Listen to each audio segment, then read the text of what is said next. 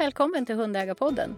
En podd med Svenska Bruksenklubben om hundar för hundägare. Podden sponsras av Agria djurförsäkring. Jag heter Ulrika Norell och kommer att vara med er under de här avsnitten.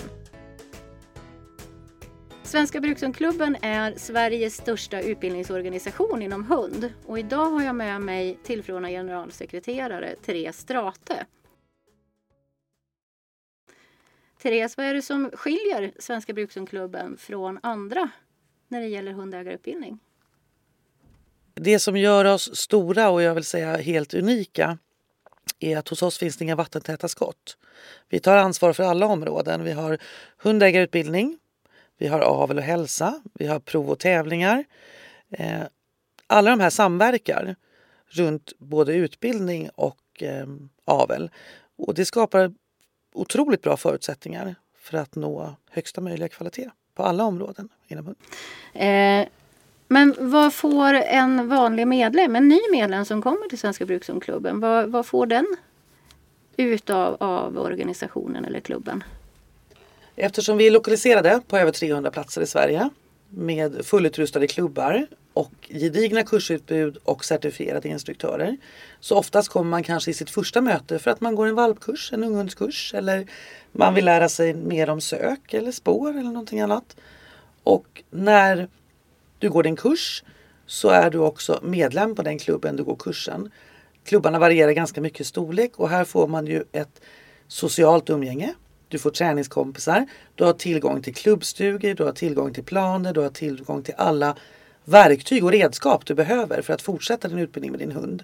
Så det är så mycket mer i ett medlemskap än att du går en valpkurs. Mm. Du blir en Brukshundklubben-medlem.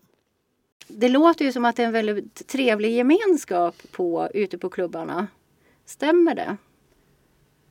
Ja, att samla människor runt ett passionerat intresse som våra medlemmar har är ju ibland lite utmanande men framförallt så är det ju så att det är väldigt lätt att skapa gemenskap. Det är väldigt lätt att få nya vänner.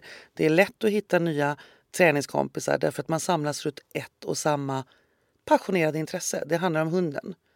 Um, det tycker jag är lite unikt och gör oss väldigt starka. Vi, man är inte medlem i Brukshundklubben för att få bra rabatter på olika ställen eller stödja ett unikt ändamål. Man är medlem i Brukshundklubben för att vara en del av gemenskapen och samlas runt ämnet hund.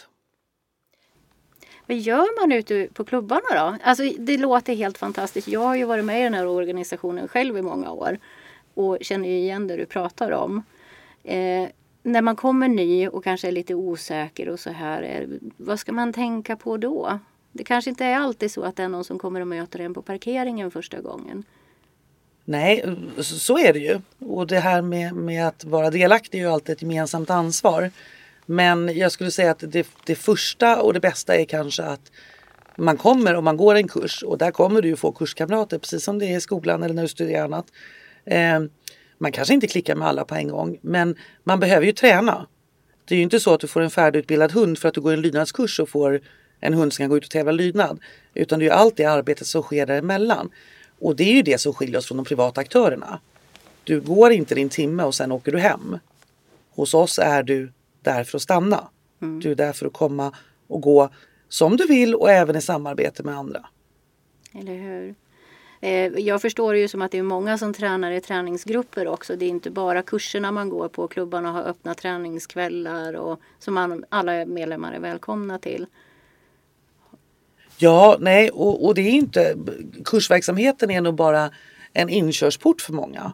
Och det är ofta så också att det är där man kanske eh, finner sin extra passion för ett visst område eller en gren eller vad, vad, man nu vill göra för någonting. Det finns de som är på klubben bara för att delta på gemensamma hundpromenader för att det är trevligt. Det finns klubbar som anordnar eh, vanliga skogspromenader, träning i skogen, inkallningskvällar, stadspromenader, restaurangbesök med hund. Um, gemensamt är det bara att man, man älskar hund. Det är helt fantastiskt. Det spelar ju verkligen ingen roll vem man är, vart man kommer ifrån eller vad man jobbar med, eller hur? Nej, och det spelar ingen roll hur, hur vi ser ut eller vad vi har för bakgrunder och vad vi gör övrig tid när vi inte är hund, för vi är hundmänniskor. Och samma sak med hundarna. Det spelar ingen roll om den är stor eller liten, om det är en brukshund eller om det är en blandras eller Brukshundklubben är en gemenskap runt hund för alla intresserade. Namnet till trots, eller hur? Ja, namnet till trots så är vi en organisation för alla. Eh, vi har ett gediget avelsansvar för det som man kallar för brukshundraser. Speciellt framtagna raser egentligen för olika eh, uppdrag i, i samhällets tjänst kan man säga. Eh, även där så tillåts ju andra raser utöver de som vi har avelsansvar för. Men det är ju därigenom som det gedigna arbetet med mentaltester och annat har framkommit för att kunna leverera bra eh, material.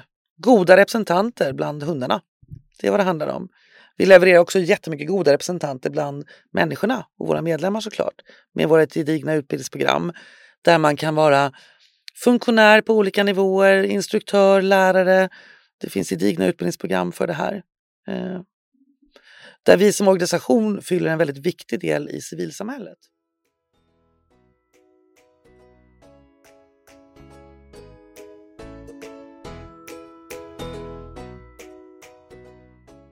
Nu startar vi en podd.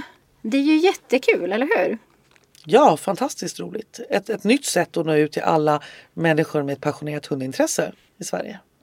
Ja, precis. För den här podden är ju faktiskt för alla som har minsta lilla intresse för hund. Ja. Ja. Och eh, vi kommer ju ha åtta avsnitt under våren. Släpper vi varannan vecka. Eh, vi kommer att ha olika ämnen. Vissa ämnen är ju planerade redan. Eh, men eh, vi vill ju gärna ha in eh, önskemål från lyssnarna, frågor från lyssnarna för att kunna fånga upp ämnen som, som är intressanta för dig mm. som lyssnar. Tack snälla Therese för att du var med oss idag. Jätteroligt att du hade tid att komma. Tack Ulrika. Jag ser fram emot den här poddsäsongen. Avsnitt 1 finns att lyssna på. Jag hoppas att vi hörs. Ha en fin dag.